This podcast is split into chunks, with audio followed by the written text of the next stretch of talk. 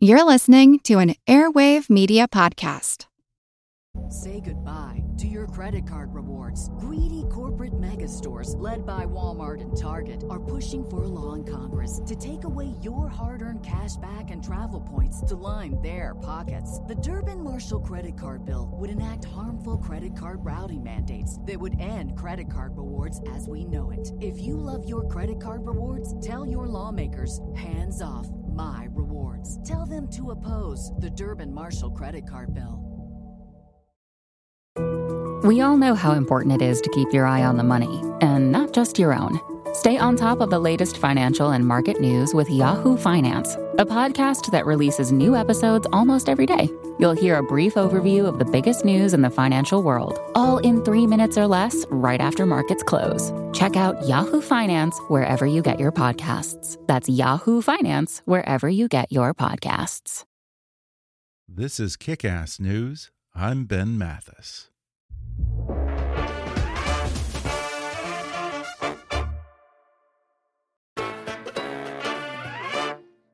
Folks, I'm very excited for today's podcast because my guest is someone I've been wanting to have on the show for quite some time now. Malcolm Gladwell is one of the great thinkers of our time, a man with a remarkably wide range of interests and an inquisitive nature that have served him very well in his quest to dig for the hidden truths that often escape us. The author of six New York Times bestsellers, he has explored how ideas spread in his book The Tipping Point, decision making in Blink, the roots of success in Outliers, the advantages of disadvantages in David and Goliath, and why our interactions with people we don't know often go wrong in talking to strangers. He's also the host of one of my personal favorite podcasts, Revisionist History, which examines the way the passage of time changes and enlightens our understanding of the world around us. Revisionist history goes back and reinterprets the events, people, and ideas from the past to discover something overlooked or misunderstood. Because, as Malcolm Gladwell likes to say, sometimes the past deserves a second chance. Now, the new season of Revisionist History explores everything from the true value of the objects we collect to the controversial military tactics of the Pacific Theater during World War II to how Malcolm Gladwell hires his assistants. Revisionist History Season 5 premieres this Thursday, June 18th, and I encourage you to subscribe wherever you like to listen to podcasts. Today, Malcolm Gladwell joins me on the show to talk about his childhood growing up in a Mennonite community in Ontario, Canada, his brief flirtation with conservatism in his youth, and how his father's boundless curiosity inspired him to always ask questions. We delve into the Black Lives Matter protests in the wake of the tragic George Floyd murder and a few surprising parallels between the cops' relationship with African Americans and Britain's heavy handed approach to Irish Catholics during the three decade conflict known as the Troubles. Then Malcolm discusses podcasts as the antidote to our modern quick hit news culture. He reveals how often he is surprised by what he discovers while making a podcast or writing a book and he shares some of his favorite episodes of revisionist history, including the time he confronted the Law School Admission Council about the effectiveness of the LSAT as a predictor of who will make a good lawyer, and why he's now branding art museums as hoarders and challenging them to part with some of their treasures. Plus, Malcolm Gladwell on his obsession with a certain 19th century Russian poet, and how quarantine has put a real monkey wrench in his writing routine. Coming up with the brilliant and delightful Malcolm Gladwell in just a moment.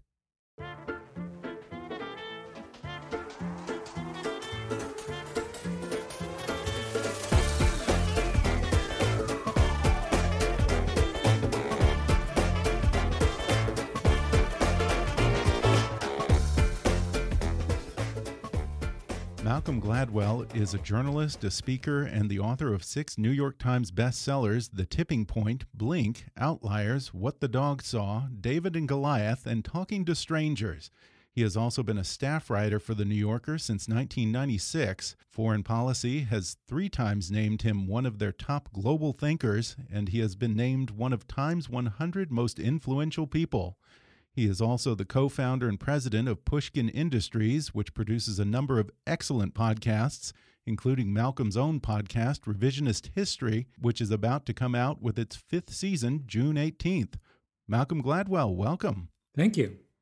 Glad to be on the show. Well, Malcolm, I am such a huge fan of your work. And I have to tell you, your books and your podcasts ha have literally rewired my brain in a way that I now question my assumptions about so many things. It's made me really, frankly, annoying at parties because someone will always make a statement, or I'll make a statement and catch myself, and then I make everyone sit there while I break it down to see if it holds up. And of course, you know, 70, 80% of those cases, the assumption ends up being correct in the end. And I've just wasted mm-hmm. everyone's time. never wasted, never wasted. Well, I have to ask uh, has that always been an aspect of your personality, that need to question things and not just take the accepted narrative or the quote unquote common wisdom as fact? Well, I guess a little bit, but I sort of feel like all of us, you know, when we're young, do that naturally, mm -hmm. right? We ask why, we want explanations, we want the explanation to make sense. We don't understand, you know, the uh, it's we don't we're not docile in the face of new information when we're young. It's only we only get docile when we're older, and so I just feel like I'm maybe I'm just perennially the 11 year old at heart. um, I never I never left that stage. Yeah. The more you do that, the more you become aware that the story ben- below the surface is very often different, or richer, or more interesting than the story on the surface. And so th- that's why I kept doing it because it struck me there were real rewards to keep asking questions. And I know that your dad was, I believe, a math professor, and your mother was a psychotherapist. Uh, were they particularly encouraging of that questioning and sort of that contrarian streak in you? Yeah, I mean, they were just open minded. I think that's the mm -hmm. better way. It wasn't that they actively encouraged it, but their notion was that part of what it meant to be a thoughtful person was to find out things and keep your mind open to new. Um, my father was someone who um, I was always struck as a kid by just how, prof- in a really profound way, his mind was open. You could, if you knew more than him about something, you could convince him. He was never going to put up barriers to some new bit of knowledge or some. He just thought the world was this big, delightful mystery, and his job was to use whatever means possible to um, to crack the, mis- the mystery. Yeah, I love that because it sounds like he he didn't believe in such a thing as a dumb question, and he had no ego about probing and probing until he finally understood something. Mm -hmm. In fact, I once heard you say that if your dad ever met Bernie Madoff, he would have asked so many questions that Madoff would have had to stop the conversation or risk getting discovered. Yes, he, he would have asked him enough questions that he would have gotten somewhere somewhere interesting and important. I think.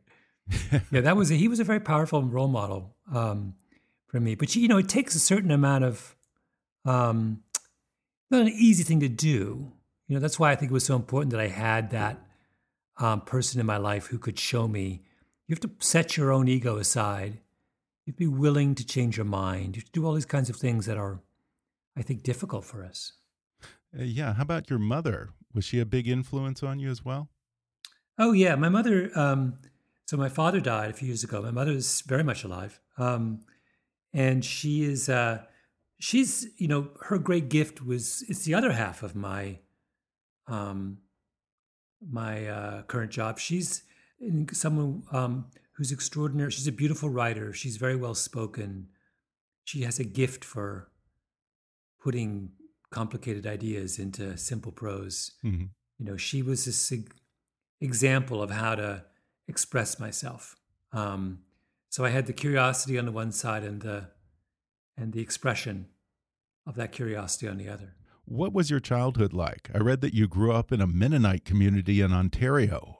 Now, are we talking about the horse and buggies and churning butter and all that? All kinds. Or is there a more liberal version? All kinds. All kinds. So it was a interesting. It was a, a group in a farming town in southern Ontario, which was one of the centers of Waterloo County in Ontario. Is one of the centers of Mennonite community, and there would be modern Mennonites who I would be friends of mine and go to school with, who, you know, dressed indistinguishably from the way I did. And then there would be our neighbors had no electricity and a horse and buggy, and so there was all varieties of Mennonites. Mennonites come in the same kind of varieties as as Jews do. You know, there's a mm-hmm. range from ultra orthodox to modern reform, and um, that's what my that was the world that I uh, of of Waterloo County. That's interesting. I don't think I realized that because I tend to closely associate Mennonites with the Amish. But I guess while all Amish are Mennonites, not all Mennonites are Amish. I don't think I realized that there's such a diverse range of Mennonites out there because, you know, the media likes to focus on the novelty of the old order and sort of portrays them as a very closed, insular community. But it's nice to hear how welcoming they were to outsiders like your family. Oh, it's a profoundly open. I remember as a kid, the Mennonites would have barn raisings. If someone's barn burned down, they would all gather and they would put up a new one. And, you know, hundreds of them would gather at someone's house. And my father once, my father, you know, in his, drove his Volvo, wearing his, my father used to always wear a tie. And so he, here's this big bearded Englishman driving a Volvo with a tie on, and he just joined the barn raising and they put him to work. I mean, no really? questions asked. He, I mean, it was, it's not a, it's not a kind of it's a there's a wonderfully open quality about um, about about Mennonites at every level. Um, our you know my dad was great friends with our old order Mennonite neighbor, um, despite the fact my father had a PhD and the neighbor probably didn't go beyond sixth grade. mm They they had a grand time. Um, yeah. So that was you know that's a, a reflection both about my dad and and also about Mennonites. Yeah, it really sounds like an idyllic childhood and the kind of sense of community that's harder and harder to find these days. I love that your dad could just roll up his sleeves and pitch in on a barn raising. Mm -hmm. it, it, must have been a wonderful place to grow up. It actually was. I have no, I had the least traumatic childhood imaginable. Oh, really? Um, and I and I had I'm one of the people I know whose teenage years were just a delight. I I, I had a blast as a teenager. I missed the whole I missed the whole memo on teenage angst. Uh, didn't didn't really didn't really hit me. And Malcolm, I tend to think of you as a fairly progressive guy, but I, I, was kind of amused to read that I guess when you were 15, you co edited a right wing pamphlet influenced by William F. Buckley to quote, counter Canadian left wing dominance. Yeah. were you an actual conservative in your youth? Or well, was that just you playing the contrarian there? No, I was largely contrarian, but remember, to be a conservative in Canada in the 1970s would put you, you know, in America today, we would call that liberal. Right. The Canadian, you know, the Times was so skewed to the left and Canada was so skewed to the left that I, you know, I may have called myself a conservative, but eh, today I'd be on the liberal, the the left, the left side, the, le, the left leaning side of the Democratic Party if we were going to do a, a reanalysis. Right. but yeah, the only if you wanted to rebel, if you were a teenager and you wanted to rebel in Canada in 1978, you had no choice but to become a conservative. There was no room to rebel on the left. You know, the, the prime minister was hanging out with Fidel Castro, right? That's your just to give you a sense of where you were. Yeah, and even Bill Buckley wouldn't find much of a home in Donald Trump's Republican Party today. No, he'd be horrified. Well, I'm jumping around a little bit, but I definitely want to talk to you about the recent protests in the wake of the George Floyd murder. You've addressed race and particularly the difficult relationship between law enforcement and African Americans in many of your writings and on your podcast, Revisionist History. In response to the murder of George Floyd and the protests, you released an interesting podcast episode containing an audio chapter from your book, David and Goliath. And I say it's interesting because it focused on Britain's heavy handed approach to dealing with Irish Catholics in Belfast during the Troubles. There was mm-hmm. no racial component to that story at all. What did you feel could be applied to the current situation? Yeah, so I've written, as you're right, I've written in three of my books Three of my books have been at least partially or almost wholly um, uh, built around uh, episodes of police violence against African Americans. The the climactic chapter of Blink was about the sh- the, the, shooting of Amadou Diallo, an African immigrant, by the NYPD.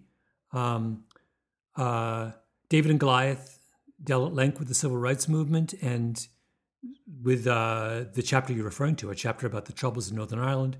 And then Talking to Strangers was, of course, organized around uh, the Sandra Bland, you know, the young black woman who was stopped right. by a police officer in Texas. So I've done a lot. So the question was when all this started after the death of George Floyd, the question was, was there something that I felt I could put out in the world that would make help people make sense? And I decided that I had written this chapter in, in David and Goliath about the origins of the troubles in Northern Ireland, the battles between the Protestants and Catholics in Northern Ireland that consumed much of the end of the 60s and the 70s and early 80s.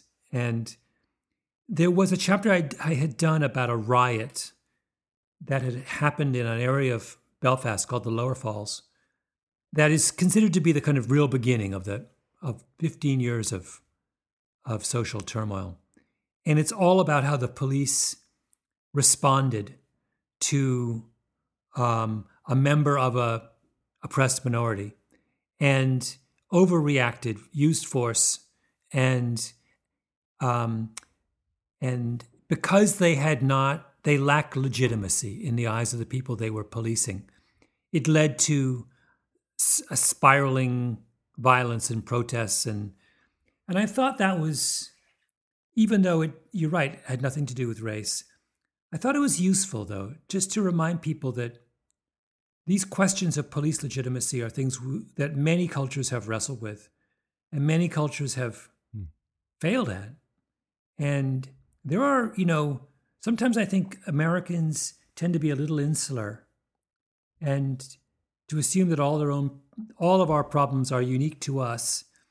And while that's true in some part, um, there's also, you know, this question of how police ought to behave is something many people have wrestled with.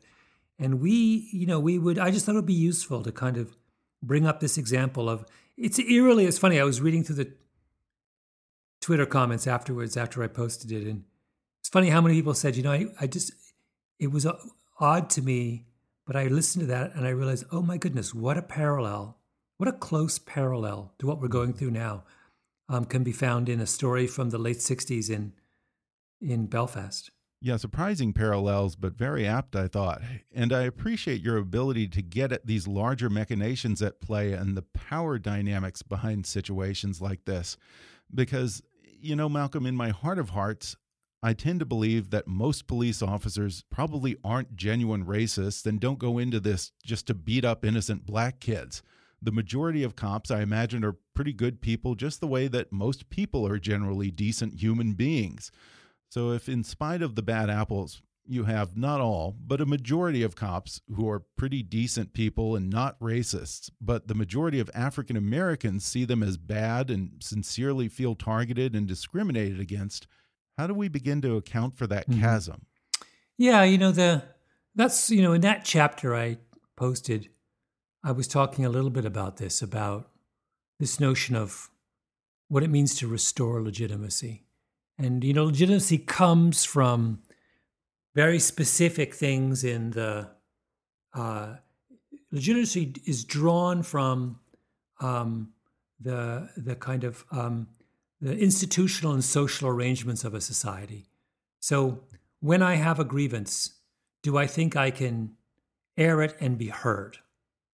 If I don't think that, if I don't think someone's listening when I have a complaint, then all of a sudden my belief in the system takes a massive step backwards.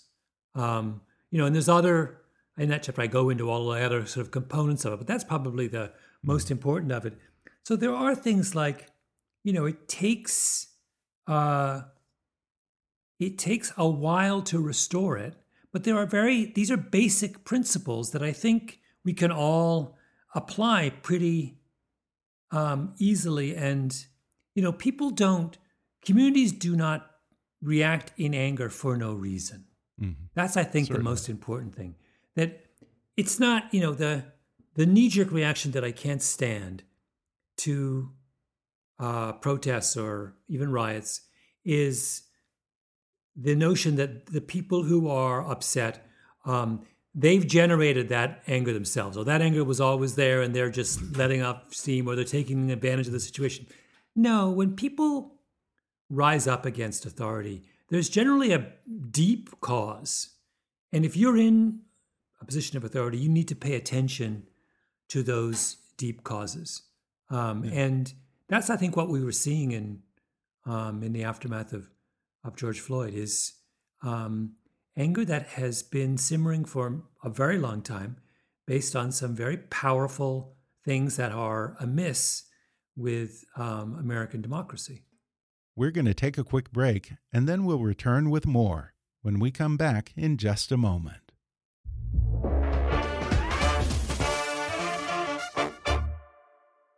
Imagine yourself with a doctorate at the top of your field. You could be teaching, researching, or making a bigger impact in your community. A doctorate can be a big investment in time or in money. But did you know that you could earn a degree from Capella University through a flexible program? From enrollment to graduation and beyond, you'll be guided every step of the way. Capella has over 25 years of online education experience supporting doctoral students and they have $5,000, $10,000, and $20,000 Capella Progress Reward scholarships for eligible new students enrolling in select doctoral degree programs. Capella also has financial aid counselors, enrollment counselors, and career counselors to help you get started. Learn more about the support and resources you'll have from beginning to end. Start exploring available programs and scholarship opportunities at capella.edu slash doctorate. That's capella.edu slash doctorate. And in your most recent book, Talking to Strangers, you get into that problematic relationship by doing a deep dive into the case of Sandra Bland. If anyone doesn't remember, uh, Sandra Bland was an African American woman who got pulled over by a white cop in Texas and was arrested and then ended up committing suicide in jail. I think you say that what really happened there was a case of an officer misreading her social cues mm -hmm. and interpreting it through the very narrow lens of his own experience. And more than that, you say that her suicide was a tragedy of coupling, which is a psychological term. Can you elaborate on what you mean by that? Yeah, you know, there's a this is one of a number of ideas that I play with in talking to strangers, and it's this idea that behavior is very often very tightly coupled to a situation.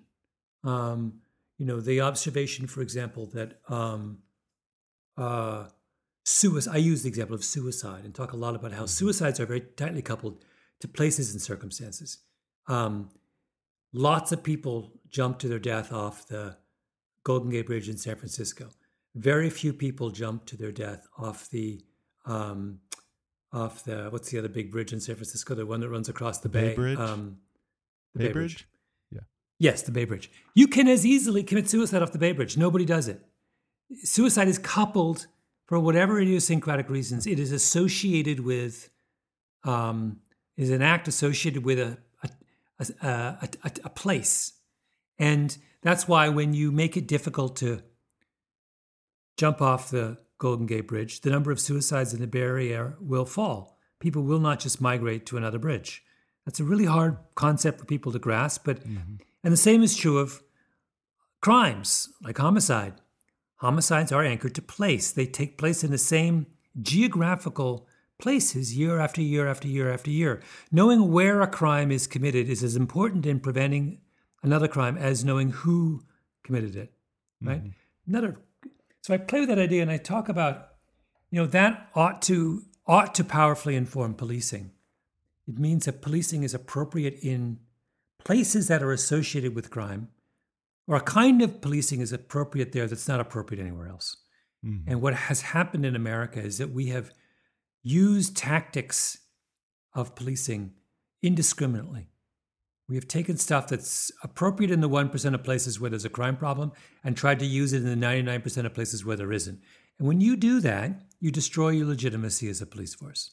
Mm-hmm. A lot of this, this these incidents between the African American community and the and law enforcement is about that exact thing. That law enforcement is harassing 999 African Americans in order to find one bad apple. And you can't do that. Like, just, you cannot sure. do that in a civil society and expect things to go. You must use the, your, the, the, the power of the state with more discretion. And I love what you say in there. You, you point out that in the case of Sandra Bland, America paused and then moved on to the next thing. And you just weren't content to do that. You are a lover of doing that deep dive. And in a lot of ways, mm what you do runs entirely counter to this trend of consuming information in smaller and smaller bites, just skimming the surface of an issue, regurgitating headlines we see in our feed, and moving from one story or issue before we, there's time to really explore the deeper mechanisms at play. Do you feel a little bit like a, a salmon swimming upstream in today's culture of quick hit media and short attention spans? Yeah, though I'm gonna I'm gonna take issue with you. Okay. Because think about what we're having right now. We are having a thoughtful, extended conversation Right. about a complicated topic hmm where um, we're not yelling at each other. You're not looking for some outrageous soundbite, which you will then repeat on Twitter. Your listeners, I don't. There's a lot of them. They they are quite content. I'm sure most of them will listen to the end of this. They're not listening to two minutes and tuning out. Mm-hmm. You know your stats better than me, but I'm guessing. And you're not alone. There mm-hmm. are lots and lots and lots of people now um, doing podcasts or in various other forms who are doing these thoughtful things. I think the culture has shifted. I hmm. think there is an extraordinary appetite now for much more thoughtful examination. You know, my revisionist history episodes are they're 45 minutes long. They require you got to concentrate, and people have no problem finding the time to. Con- you know, Joe Rogan interviews. He's the most popular guy in the podcast world. His interviews are two hours or more, right? Yeah. So I think I don't know how he does something shifted. I think something shifted, and what happened? Bef- there was an assumption that people weren't willing to to have patience to delve into something in detail, and that Mm-hmm. assumption was wrong. And shows like mine and yours are proving they're, that they're wrong. Yeah, and I really want to talk about this wonderful podcast that you have, Revisionist History. I am such a fan of your podcast. I'm a huge podcast listener Mm. myself. In fact, that's how I got into this because I listen to a dozen or more podcasts a week. I cannot tell you how many times your podcast on General Leonard Chapman and the militarization of the border comes up in Oh, yeah. any discussion about immigration. Just the fact that the U.S. spent all of this money trying to prevent undocumented immigrants and their families from permanently settling here. And it actually had the opposite effect. We essentially spent billions of dollars to trap seasonal workers in the U.S. who otherwise would have been happy to go home to their families and their life in Mexico. Uh, the unintended consequences of that policy are just startling. And I honestly wish that every person in America yeah. who is against No, immigrants could listen to that episode. Yeah, thank you. Yeah, no, they're, I mean, it's an opportunity. I look on these episodes as opportunities to, um, to explore the kinds of stories that don't normally get explored. You know, hmm here's this wonderful thing where, um, I get people are willing to give me 45 minutes of their time. Um, and I can send, I can reach them almost effortlessly without any money being exchanged anywhere in the world. They're on my, they're on their, I'm on their phone. And it's like, there's never been, I mean, you know, TV is an incredibly powerful medium, but you have to have a TV and you got to be in front of it, right? Radio Right. was powerful, but a radio didn't give you infinite choice and didn't let you. Right. Rec- I mean, I could go on. Everything else has Right. gotten And it wasn't a 100% book. Well, a book, mobile. hmm yeah, a book. Book is great, but a book costs money. Um, you know, I could go on and on and on. Like this is pretty extraordinary form that we've been given, and so Mm-hmm. my whole idea was, wow. I mean, I would be a fool to pass up this opportunity to tell stories, um, a different kind of story for people Mm-hmm. to um, to learn from. Let me ask you this, Malcolm. What do you consider to be the guiding principle or the mission statement, if you will, behind revisionist history? Well, things I'm interested in is probably the guiding. Okay, fair enough. Um, That's a good reason. Uh, but our, our stated goal is of the show is, you know, it's a podcast about the overlooked and the misunderstood. Mhm. So we're going back over something that had been decided and we're that had been put away, and we're opening it back up. Um, so in this season, for example, I have four episodes about uh, Curtis LeMay, one of the Mhm. most famous of the Air Force generals of the Second World War, and about a specific thing he does in the summer of 1945. Um, and, you know, that's ancient history in a certain sense. That's 70 years ago.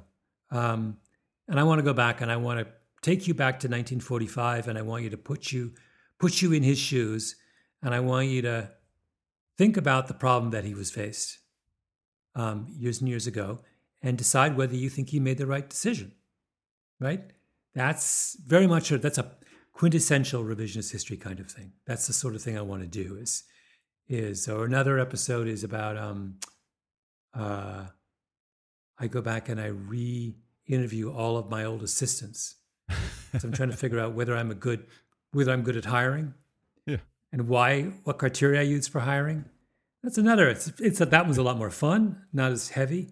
But again, I'm like trying to ask. I'm trying to get at some really important question, which is, um, how much can you know about somebody hmm through an interview, right?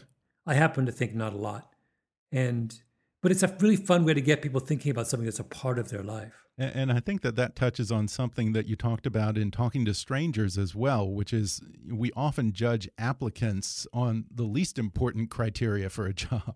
Yeah, no, and I get I have two shows in this season of revisionist history that get into this puzzle of why is it we're so sure of others um, uh, based on these relatively um, trivial encounters with them. Was it a sort of eye-opening experience for you to go back and sit down with all of your? I think you say you change assistants every two years, so it must be a pretty long list. Had a lot of them. and, and Yeah. confront uh, the the reasons why you hired them and whether those were necessarily all valid reasons for hiring someone. Well, it was done in a very lighthearted, and I liked them all. They're all really fun. Yeah, So mostly it was just hilarious to chat with them about things that happened years ago um, and get their, you know, I'd never asked them systematically about the experience of working for me, the experience of being hired by me. So it was just like kind of like, you know, you learn all kinds of things about yourself that you wouldn't know otherwise. It's one of my, it's one of the most fun episodes of the season. We, Yeah. we try to mix up serious ones with not so serious ones, and that's one of Mhm. the not so serious ones. Uh, yeah. I listened to the first two episodes of season five, in which you tackle the massive collections of objects owned by art museums, many of which will never see the light of day. And you actually call Mm. art museums hoarders. You're really poking the beast with this one. Are, are you ready to be ostracized by the art world? I, I, I think the opposite will happen, which is Really? I suspect a lot of people in the art world secretly agree with me Oh yeah. that the museum business is spiraled out of control, hmm and uh, so it'll cause less uh, less controversy than I than one might imagine. But um, yeah, I was I was just in, I'm just interested in the relationship we have to objects, Mhm. and you know that's obviously an issue with individuals who are hoarders and who are not. But it, it's also an, institu- uh, an issue for institutions that they also become attached to things in ways that may not be healthy. And so I thought it'd be really fun to kind of do an investigation of the relationships that art museums have with their art. Yeah, so many art institutions operate on a loss, which is completely needless because, as you point out, they could easily sell a painting or two and be in the black. But if you dare suggest that a museum do that, they look at you as if you painted a mustache on the Mona Lisa or something. Well, they get sanctioned. If you sell a painting, if you're an art museum and you sell Really? a painting and you don't use the proceeds to buy another painting, you just sell it for your general economic well-being, you will be sanctioned by the you know American Association of Art Museums or whatever it's called. Um, so there's an active ethic in the business which Mhm. tries to get people to um, to look on the uh, the ownership of art by a museum as a permanent thing. A museum Mhm. must hold that piece of art in perpetuity, which I think is Mhm. insane. I mean, completely insane. Well, I imagine that part of the problem is also the donors because perhaps they have a painting or a sculpture that's been in their family for a long time and maybe they have a sentimental attachment to it and they don't want to donate it to uh, an art institution only to find out that it was sold off to pay for janitorial services or employees to work in the gift shop, that sort of thing. Well, museums need to reorient themselves. Um, you know, right now, very often they are serving the interests of their powerful, um, of the people who donate money and paintings to them, and that's not who they're they should be serving. They should be serving the public, right? They are nonprofits Right. whose job it is to showcase culture, And when they start thinking that their first obligation is to please the, the rich guy who just died and left them five Picassos, then they've lost their way. But I do think that it, uh, I've heard that it's beginning to change as museums feel the pinch from COVID 19. Uh, I wonder if that might be the thing that might make them part with some of their treasures now. Yeah, that's really, I mean, we're about to find out in a million different ways how many of our um, rituals and practices do not stand up to scrutiny in a time of crisis. I mean, yeah. we're going to expose, I feel like, a lot of patterns and practices as as being irrational. Yeah, and in dealing with so many of these institutional issues like art museums, you know, for me, so many of the big questions in our society come down to two things Does it work and is it right? Mm -hmm. And sometimes what works isn't right, or vice versa. But then there are those issues like mass incarceration and how our system of higher education operates, where the system doesn't work and it's immoral. And I know higher mm-hmm. education mm -hmm. is of particular interest to you. I always wonder why are these problems so fraught when the solutions are right in front of our eyes? It, it ought to be a no brainer, it would seem. Well, except that the institutions who need to change have no incentive to do so, right? Mm -hmm. Most of the the winners in the higher education game um, have zero incentive to want to mess up the system. There are, you know, the Ivy Leagues and Stanford and all those places. They're they they're um, they're profiting from the the current um, uh, kind of pathology. Why would mm. they hmm. want to fix it? You know, and really hard, by the way, to fix that system without the cooperation of the strongest institutions in the system. You know, why why is healthcare such a mess? Because most of the most powerful players in the healthcare system have zero incentive to change. Now that goes to the, you know, this is the time honored problem facing reformers, which is you, the way to, the only way to reform is to get people who are outside the system um, to join you, and yet they're the ones who have the least clout, right? The least ability mm-hmm. to make a change. Sure. And speaking of reforming higher education, I have to tell you, I just loved your episode where you confronted the organization that administers the LSAT about how terrible a timed oh, yeah. test is as a predictor of who would make a good attorney. It's almost as if they're selecting people who have the exact opposite of the qualities you want in a lawyer. We had a lot of fun with that. Yeah, I, I me and my assistant took took uh, took the LSAT and compared yeah. notes, and and then we went to see the people who organized the test. It was that was uh, it was last season. That was really fun. I always remember that with great fondness. Those that particular yeah. episode, shivering outside at seven a.m. in the morning outside the place in downtown Manhattan where I had to take my LSAT. Now, uh, did you and your assistant really achieve the same score on the LSAT? Yes. That's according, amazing. What a coincidence. according to the to the testing agency, that I mean, yeah, we opened them at the same time, and lo and behold, we had exactly the same score. So that should tell you something. I was convinced she was going to destroy me. Oh, so yeah. I was enormously gratified. Yeah, she's much younger and smarter than I am, so I was like, uh, I'm a dead duck, but somehow veteran savvy yeah. made up for some of that difference. Uh, how do you approach a new season of revisionist history? Because in some ways, it seems like it's similar to your books in that you use a series of small stories strung together to make mm -hmm. a mm-hmm. larger point. Yeah, that tends to come together. I mean, they don't all not not all the shows are on the same theme. Mm -hmm. So, uh, but they often seem to have coherent. some kind of a thread. Yeah, they often is a kind of thread that runs through some of them or many of them. Mm -hmm. But it's very done I, my mind tends to work that way. I, I, pick up on a theme and then I elaborate on it. And so, but it's not um, one thing that's very important to me in the in the revisionist history seasons is they should be all over the map. They should be there should be funny ones, sad ones. There should be angry ones. There should be. Mm-hmm. You shouldn't know before you begin a revisionist history episode. You shouldn't know what experience you're going to have. It should come as a mm-hmm. surprise. You shouldn't be able to predict how you'll feel at the end. Yeah. That's my goal. And Malcolm, I wonder if that sense of the unexpected applies to you and your own process as well.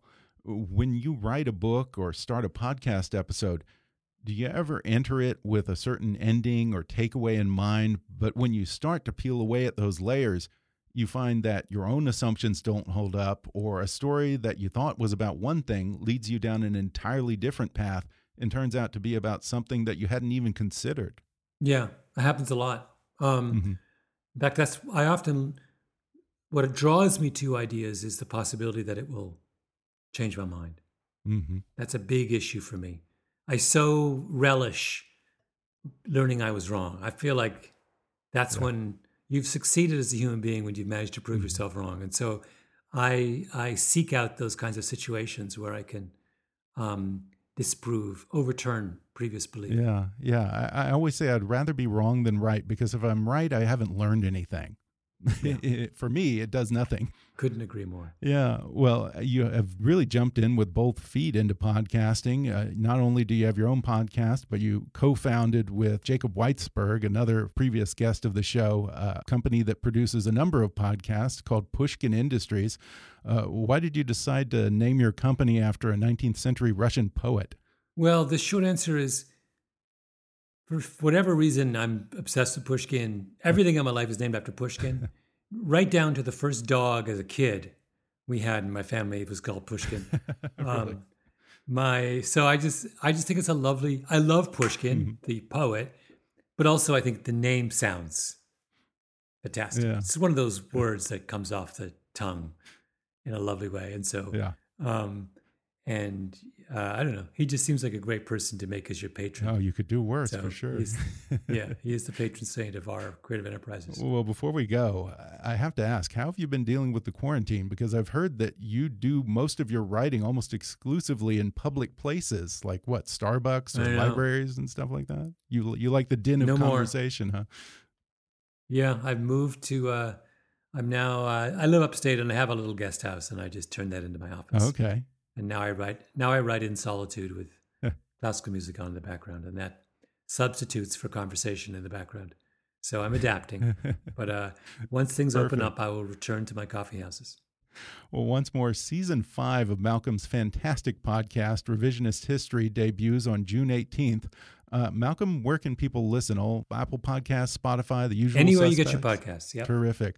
Anywhere you get your Terrific. Podcasts. Well, folks, while you're listening right now, go into your podcast app and subscribe. Uh, he will make you think, I promise. Malcolm Gladwell, thanks for talking with me. Thank you so much. That was really fun. It's a real pleasure. Thanks again to Malcolm Gladwell for coming on the show. Subscribe to Revisionist History on Apple Podcasts, Google Podcasts, Spotify, or wherever you like to listen to podcasts, or visit revisionisthistory.com. You can also keep up with Malcolm at gladwellbooks.com and on Twitter at, at @gladwell. If you enjoyed today's podcast, be sure to subscribe to us on Apple Podcasts and rate and review us while you're there. Five star ratings and detailed reviews are one of the best ways for new listeners to discover the show. You can also follow us on Facebook or on Twitter at, at KickassNewsPod and recommend us to your friends on your social media. For more fun stuff, visit kickassnews.com, and I welcome your comments, questions, and suggestions at comments at kickassnews.com.